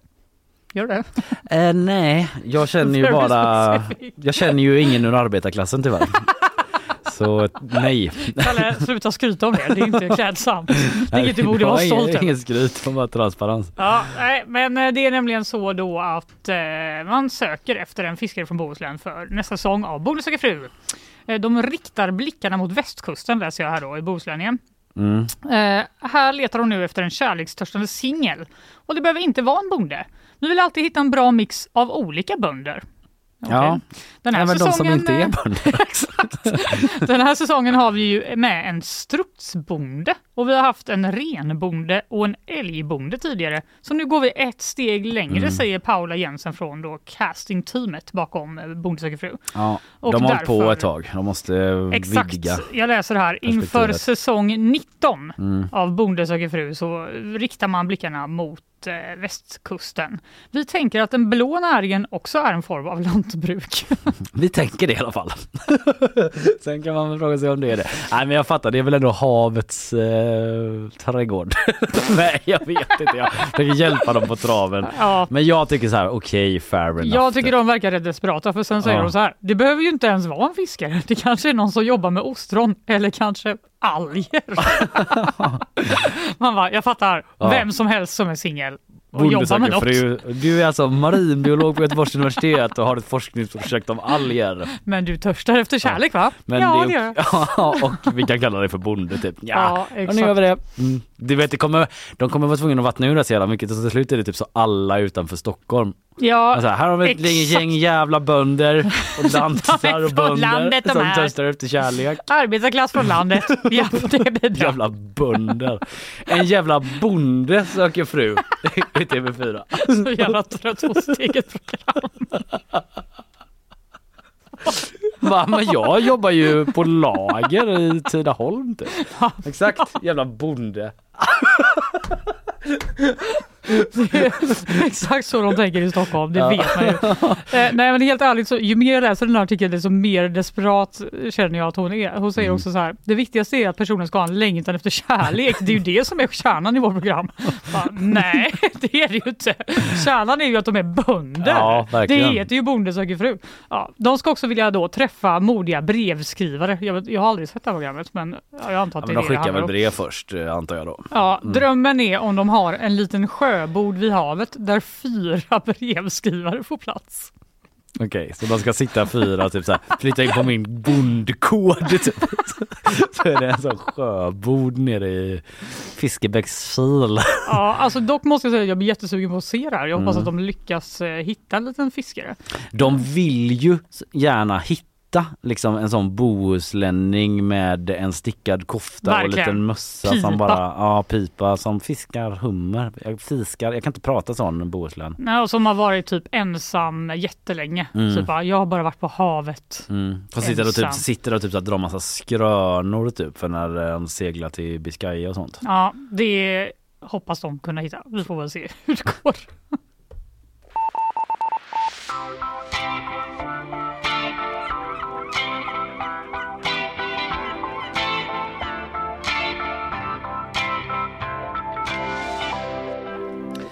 Jag sitter här och eh, mm, tar del av en liten mätning Fanny. Mm. En tittarmätning. Ja. Det handlar om eh, SVT Play. Man, eh, sen ett tag tillbaka så mäter man inte bara tv-siffror, alltså tittarsiffror i tv Mhm. för att mäta vad folk är intresserade av utan även på strömmad tjänst för SVT då. Och det visar sig att historien om Sverige, Ja. som vi pratat om en hel del här, Varje vecka! men det är ju för att det är det dyraste programmet SVT gjort, Ja. kanske någonsin. Ja. Eh, och det slår tittarrekord. Det är det Jaha. mest strömmade programmet på SVT Play sedan man började göra online-mätningar. Aha. Dessutom visar undersökningen att tittarna börjat intressera sig mer för historia överlag. Hur fan kan de veta det? Som ett resultat av programmet. Ja, Ja. Men då har de frågat lite grann där. Eh, första episoden eh, har, eh, som kom ut då 5 november så det är ju snart en månad sedan då. Ja. Eh, hade i början av denna veckan setts av 800 000 tittare Mhm. drygt. Vilket kan jämföras med eh, 857 000 pers som såg tv-premiären. Eh, live i tv liksom. Okej, så det är dubbla? Eller? Ja siffran blir ju den dubbla om inte Ja. folk har sett den dubbelt då. Att man såg De första avsnittet i tv och bara ah, det där får jag fan ta en gång till. Strömma det online då. Ja. Nej men så det, det är finfina siffror men då har de också frågat då eh, olika följdfrågor i den här undersökningen som de har gjort. Mhm. Eh, MMS Multimedia Sverige som är undersökningsbolaget eller vad man nu kallar, eh, kallar det. Mhm. Och eh, då eh, visar det att historieintresset ökat alltså. Och de tillfrågade som tittat på första programmet svarade 84 att de agerat på något sätt till följd av det. det var en lite rolig formulering men att... Eh, Men det betyder bara att man eh, gör vad som helst. har du agerat på något sätt efter att du såg... Eh, Ja. ja, jag gick och la mig till Jag exempel. och tog Nej. en macka. Och... Nej men då menar eh, att eh, nästan hälften har liksom fortsatt titta på historieprogram efter det här då. Så att 400 000 pers har varit typ så här, då ska vi se, vad finns mer här i SVTs liksom historieflik i Wow. play-miljön. och så finns det svinmycket grejer där förmodligen då. Det gör det ju. Som ingen har brytt sig om innan. Eh, precis, eller det var nästan hälften som har fortsatt titta på historieprogram och drygt Mhm. en tredjedel svarar att de har diskuterat historia med andra som ett resultat av programmet. Det här låter som ett samhällsproblem tycker jag. Ska vi behöva stå ut med den här skiten också? Alltså kommer någon så på lunchen bara Visste du att på medeltiden då drack man öl i kyrkan? Jag tycker det låter underbart. Åh, jag nej, älskar ju det. Jag vill ju... Det är väl- ju bara du, vi pratar om det, dig. Eh, ja, men för eh, sanning att säga är att mitt historieintresse, jag har ju alltid liksom ett vi, mer eller mindre vilande historieintresse liksom. Mhm. Om än på en ganska ytlig nivå, att jag gillar Mhm. såna Civilization, det spelet, det märks Ja, väl i fredags i Ja, quizen och så vidare. Eh, Men också generellt så att jag tycker det är lite spännande. Inte att jag kan så himla mycket men eh, jag tycker mig att, jag, att det har väckt någonting i mig, historien om Sverige. Och så kommer den där Napoleon-filmen nu som jag tänkte försöka gå och se i veckan till och med. Jaså? Att jag liksom tar mig, så mycket har det spelat in i mitt Mhm. liv att jag liksom tar mig till en biosalong. Mm. Och det är inte varje vecka ska jag säga. Nej det var typ flera år sedan jag var på bio. Ja, men jag, När ska man hinna Det det? var i somras i och för sig, när man hade liksom ledigt. Då Ja, var jag och såg både Oppenheimer och Barbie då. Skitsamma, men att det verkar vara liksom en inkörsport i historien om Sverige till tyngre historia. Och det är väl lite syftet med det hela, det säger Eva Bäckman, SVTs programdirektör, Mm.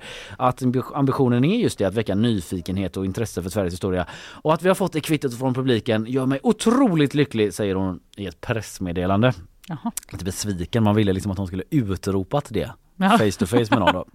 Eh, Så glad var hon inte. Ja, nej, men det har kommit fyra hittills eh, avsnitt alltså och det är totalt tio stycken. Man var ju framme vid medeltiden nu. Jag har inte sett det senaste som kom igår. Nej jag har inte heller gjort det. Men det har Christian Wedel gjort. Ja det har han verkligen. Han Han, har fått den här eh, uppgiften eh, helt klart. Ja. Att kolla på alla avsnitt. Han, eh, hans take på det var liksom att eh, de kämpar febrilt på SVT för att liksom göra medeltiden lite ljusare. Wow vad Ah. mycket som hände. Man kom på spaden till exempel. Kom man på på medeltiden. Lite andra grejer. Aha. Men att det ändå någonstans alltid landar i att det var pest. Det var bara vidrigt. Ja alla dog, hälften spydde. Och, Och alla andra hade kommit så långt typ Mm. ner i äh, Grekland.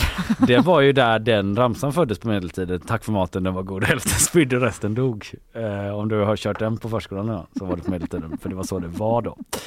Eh, annars så lägger Christian en hel del fokus på Dick Harrisons slipsknut också. Jaha. Eh, som jag fick kolla in då för han skrev så uppsluppet om det och ja, den är väldigt stor Christian. Du har helt rätt i det. Vi kanske kan lägga upp det på, eh, Ja det får på vi göra för nu vill jag se den också. Exakt hur stor är det liksom? är det Så en- stor är Dick Harrisons slipsknut. Ta in Linnea, hur många genomsnittstvåor är Dick Harrisons eh,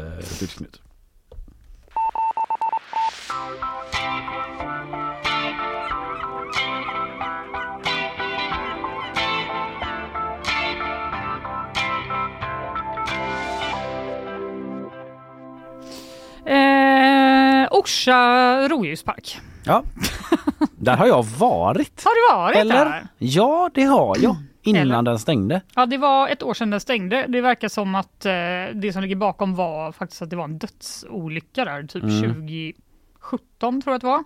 Och efter det så liksom eh, återhämtade sig aldrig.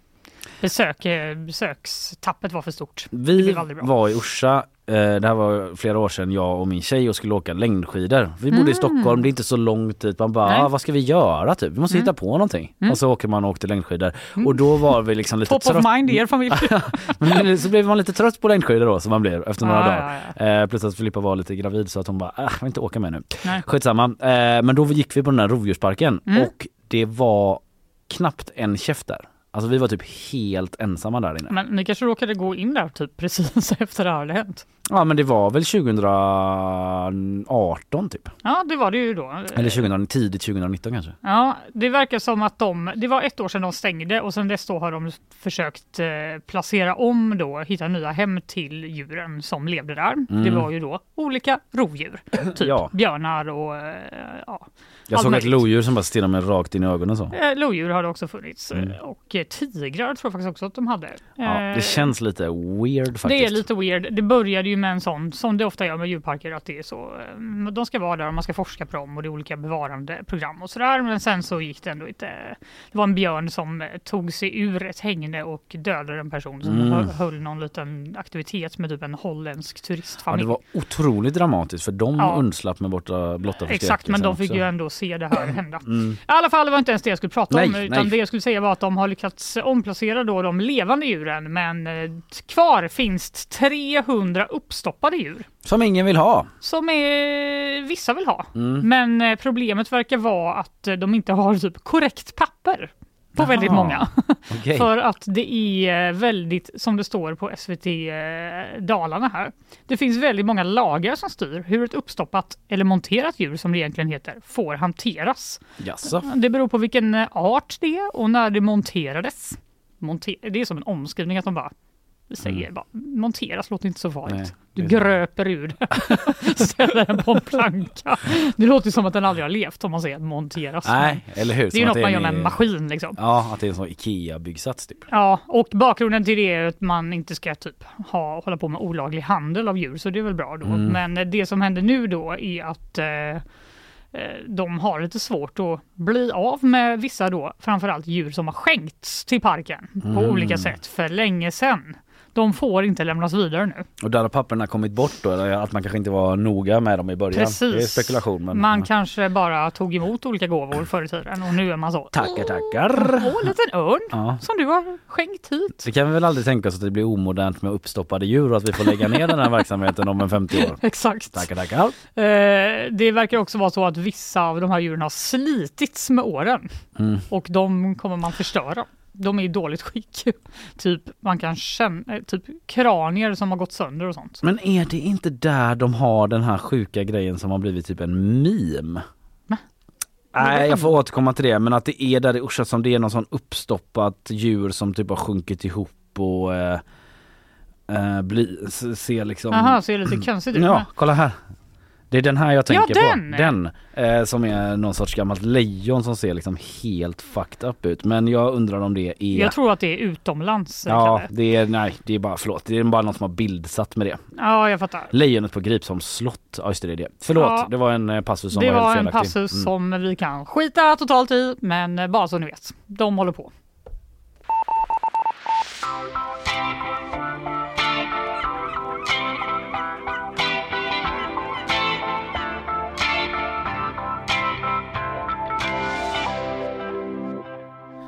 Fotbollssäsongen är ju slut eh, nästan fan är det. För det är ju några sådana eftersläpande kvalmatcher. Är det inte slut Nej än? det är ju inte det. Det var ju nu i helgen som ÖIS lyckades klara sig kvar eh, i Superettan till exempel. Och det var lite med det ena med det andra. Utsikten förlorade ju med 7-0 mot eh, Brommapojkarna eh, i något av en det värsta insatsen man någonsin har sett i en kvalmatch till Allsvenskan någonsin beskrev det som. Men det är inte det jag ska prata om utan jag ska prata om den norska missen för IK Start ett lag i Norge. Jaha. De eh, skulle spela eh, för en plats i högsta serien men eh, det fick de inte göra.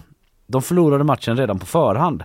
Så? Ja, för de hade nämligen valt att inte slå på värmen till planen och förlorade därför matchen på walkover. Dumsnålt. I efterhand inser vi att vår bedömning inte var korrekt, skriver klubben. När vi förlorade matchen så insåg vi att vi borde sätta på värme. Nu står vi här och känner att eh, det blev ju inte så bra. Nej. Vinterkylan har slagit till mot Norden och Norge.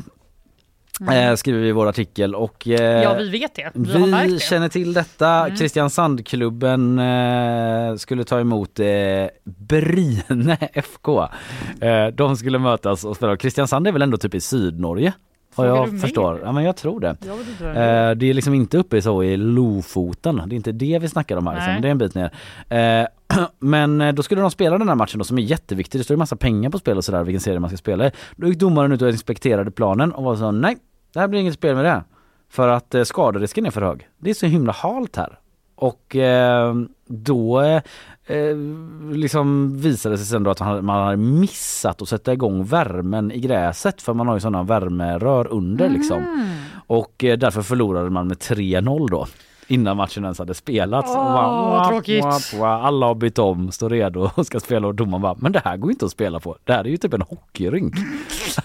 Det här är ju farligt. Och de bara, dritt jag visste jag skulle slått på värmeledning. ja, det känns inte jätte...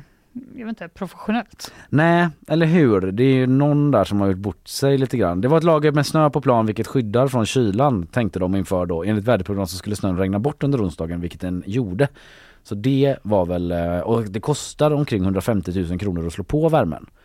Så de var lite dumsnåla där i Kostart. för Ja, att det får man ändå De sparade in på den värmen men de missade då att eh, gå upp till högsta serien vilket jag antar om det gäller samma som i Sverige innebar innebär en eh, ansenlig mängd miljoner i tv-pengar och så vidare. Det var någon som eh, inte tänkte hela vägen där. Nu får de döpa om sig till IK starta om i nästa högsta serie. Tack för mig.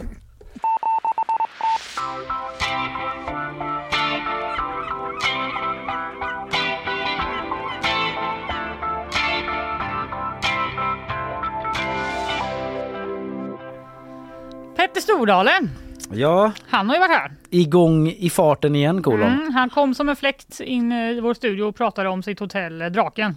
Som precis öppnade ju. Men nu eh, visar det sig, läser jag på g.se, att han eh, ska ha, göra en ny stor hotellsatsning i Göteborg. Nu får alla ge sig. Nej, Nej, han kommer aldrig han ge sig! Eller kanske någon han gång, men eh, han håller på i alla fall. Det Hur många handlar- hotell eh, liksom klarar Göteborg? Ja, jag vet. Det är ju det man börjar fråga sig Mm. mer och mer. Men det verkar som att vi klarar betydligt fler än vad vi har. Ja. För att de är ändå fulla hela tiden på sommaren. Ja.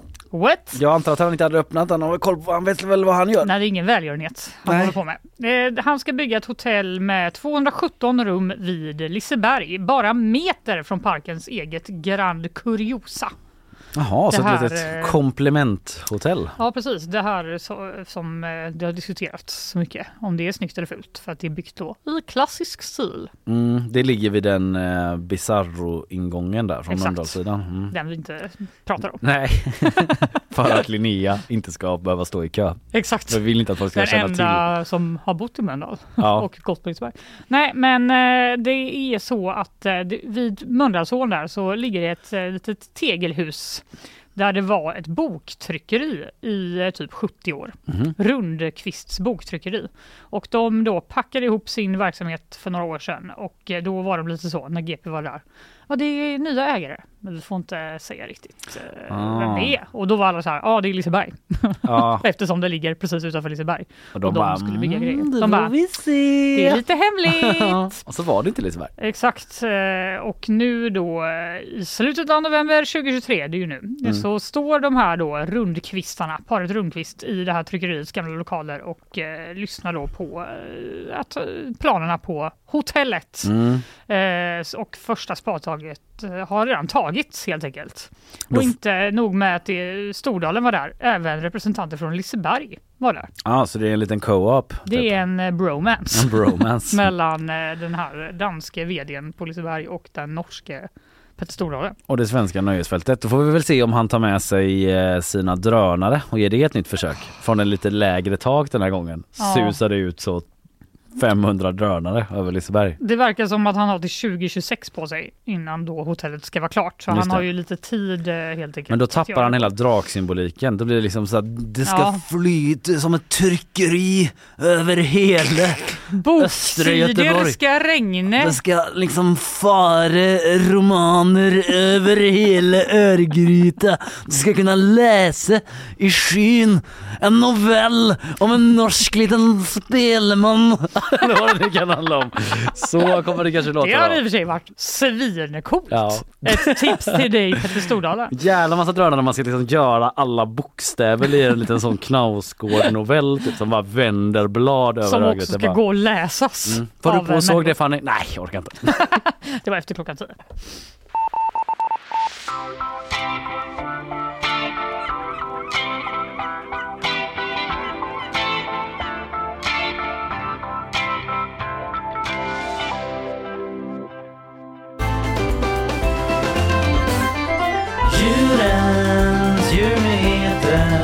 Jag tror att jag vet det Det är djurnyheter Djurens djurnyheter Vad är det det heter? Just det, djurnyheter pappa.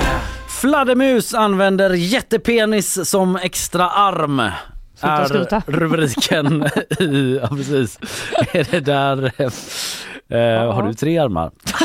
Kan man väl säga, kan man väl säga. På ett sätt kan man väl säga det. om man så vill, om man så vill. Jaha, det låter ju, varför ska man ha tre armar? Behöver man det ens? Nej, eller jo, Som tydligen. ett skryt.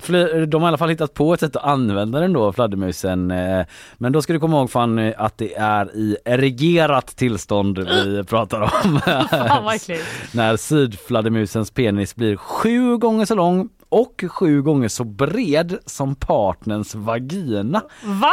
Skriver eh, TT. Man undrar så, varför är det så? Det har varit Ja. lite av ett mysterium. Varför, eh, det låter inte så evolutionärt gångbart att du i erigerat tillstånd. Ja, precis. Men nu kan gåtan med den överdrivna storleken ha fått sin lösning. Mhm. I videoinspelningar som en nederländsk fladdermusentusiast har gjort läser jag det. Sök hjälp! Sök hjälp! På en kyrkvind har de varit uppe och monterat Det blir bara värre och värre. dolda smygkameror bara. If I only can catch them having sex. Så har det visat sig då att hanorna använder sina jättepenisar som en extra arm för att flytta undan ett membran som skyddar honans genitalier. Men låt henne vara!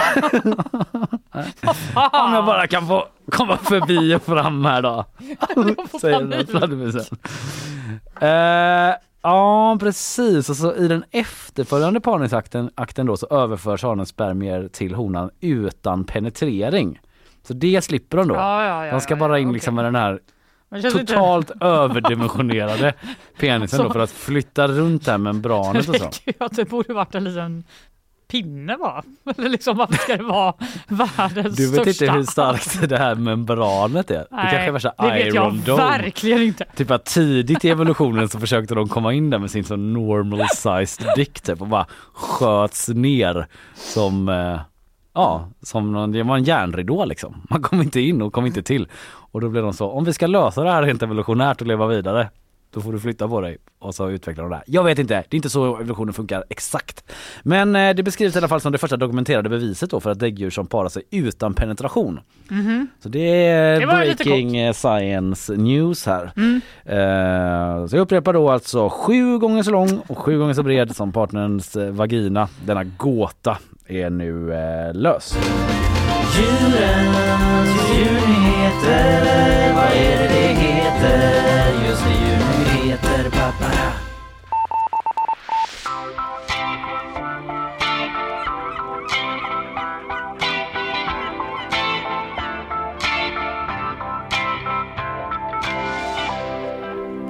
I fredags så fälldes den. Granen som ska stå på Gustav Adolfs torg. Mhm, de har varit ute i skog och mark. De har varit ute i Bollebygd och fällt en gran som är 22,6 meter. Ja, Det är ändå ganska mycket va? det är väldigt högt faktiskt och den ska stå på Gustav Adolfs torg. Ja. Japp, Det är en klassiker. Det är faktiskt en klassiker. Eh, Den ska sättas i helgen är det dags för den stora julgranen att sättas upp. Undrar om det var denna helgen då? Ja, det var det. Det var det nog ja. Den står där redan. Eh, Men det står så här, att hitta den perfekta granen är inte det lättaste. De måste ha då olika kriterier för att bli utvald till Göteborgs eh, julgran. Så det inte blir som på Chapmans torg där. Exakt. Med den fula granen som skapade Grannarna bara, debatt förra vad fan är det? Kallar du det här en gran? Ser ut som en fladdermuspenis. Nej, exakt. Eh, Förutom att den måste då vara väldigt hög så ska den vara ståtlig och relativt lätt att hämta. Ja, är det ett kriterium? Ja. Mm. Den bör vara minst 15 meter och det var ju med råge här då. För det, de säger så här, det ser ju lite fjuttigt ut annars för ett sånt stort torg. Det kan Ja, man ju visst. faktiskt hålla Men det är med verkligen alltid relativt att det ska vara lätt att hämta då. Det beror Mm. på vem du frågar. Mm, det beror på vem Ja. Sen ska den då stå för sig själv och vara hyfsat tätvuxen. Väldigt, det är lite, finns ändå lite tolkningsrum där. Ja, men de har väl sett den här granen och vad som hände med Mm. den på Chapmans torg. Så de bara, det kan inte hända. Ja, men att de är så hyfsat ska det ju vara. Ja, men det är väl hyfsat. Ja, Mm. det- den måste stå så det är genomförbart att plocka ner den också, säger Ulf Kran-Uffe Evertsson. Med Göteborgs största snok. Men sju gånger sju, nej. Sju gånger Eh, sju meter lång snok. Kran. Kran. Eh, ja, han eh, är på plats där och i Bollebygd och han har varit med många gånger förr. Han borde veta eh, detta helt enkelt. Eh, tidigare har man hämtat kranen med helikopter, Jaha. men nu eh, så eh, använder man en lastbil. Ja, det låter ju som man, det jag skulle prövat först alltså. Men Jag vet inte. jag är ju ingen kranuffe direkt heller så vad vet jag. Ja, ja, den är på ingång och på Drottningtorget så har eh, Stordalen slått in sitt hotell i paketpapper Ja, också. nu kan ni gå ut för att eh, finna lite julstämning Mm. i vår stad. Så är det medan kölden biter på. Det kan bli fem minus eh, på dagen imorgon. Det började vi snacka om i programmet och kanske snö då till första advent. Mm. Ja, lite osäkert men det kan bli så. Annars så hade vi med oss Alexandra Karlsson Tenitskaya från eh, riksdagsrummet vi har där. Hon har varit på SDs landsdagar i helgen och vi snackade om det, om moskéutspelet från Jimmy Åkesson bland annat. Just det. Jag pratade ju om eh, en kiosk i Brunnsparken och ett politiskt bråk om eh, hur ful den är. Precis, Rebe Rebecca Adin var här också, reporter på GP Sporten, vår kollega och snackade om hästskandalen i Danmark Mm. som eh, skakar hela ridsportsvärlden faktiskt. En storstjärna i Danmark i dress- dressyr, hans stall, där har de varit inne danska journalister och filmat i smyg och eh, sett saker som inte bör ske med de här hästarna. Mm, det får man säga. Mm. Eh, vi är tillbaka imorgon igen. Ja, det är vi. Då är det du och Linnea Jajamän. som sitter och håller oss sällskap. Får väl se om eh, ni hackar tänder då Ja, redan när sändningen är igång. kommer ta på mig så mycket kläder. Ha det gött, hej! Hej då.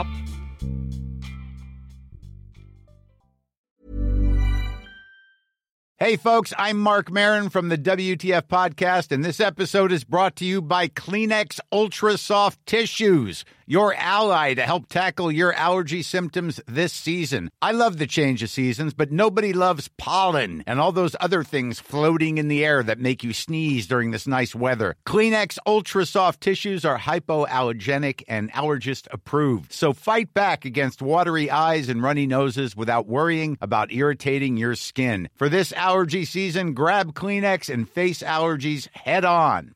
Planning for your next trip? Elevate your travel style with Quince. Quince has all the jet setting essentials you'll want for your next getaway, like European linen, premium luggage options, buttery soft Italian leather bags, and so much more. And it's all priced at 50 to 80% less than similar brands. Plus, Quince only works with factories that use safe and ethical manufacturing practices. Pack your bags with high-quality essentials you'll be wearing for vacations to come with Quince. Go to quince.com slash trip for free shipping and 365-day returns. Imagine the softest sheets you've ever felt. Now imagine them getting even softer over time. That's what you'll feel with Bowl and Branch's organic cotton sheets. In a recent customer survey, 96% replied that Bowl and Branch sheets get softer with every wash. Start getting your best night's sleep in these sheets that get softer and softer for years to come. Try their sheets with a 30-night guarantee. Plus, get 15% off your first order at bowlandbranch.com. Code BUTTERY. Exclusions apply. See site for details.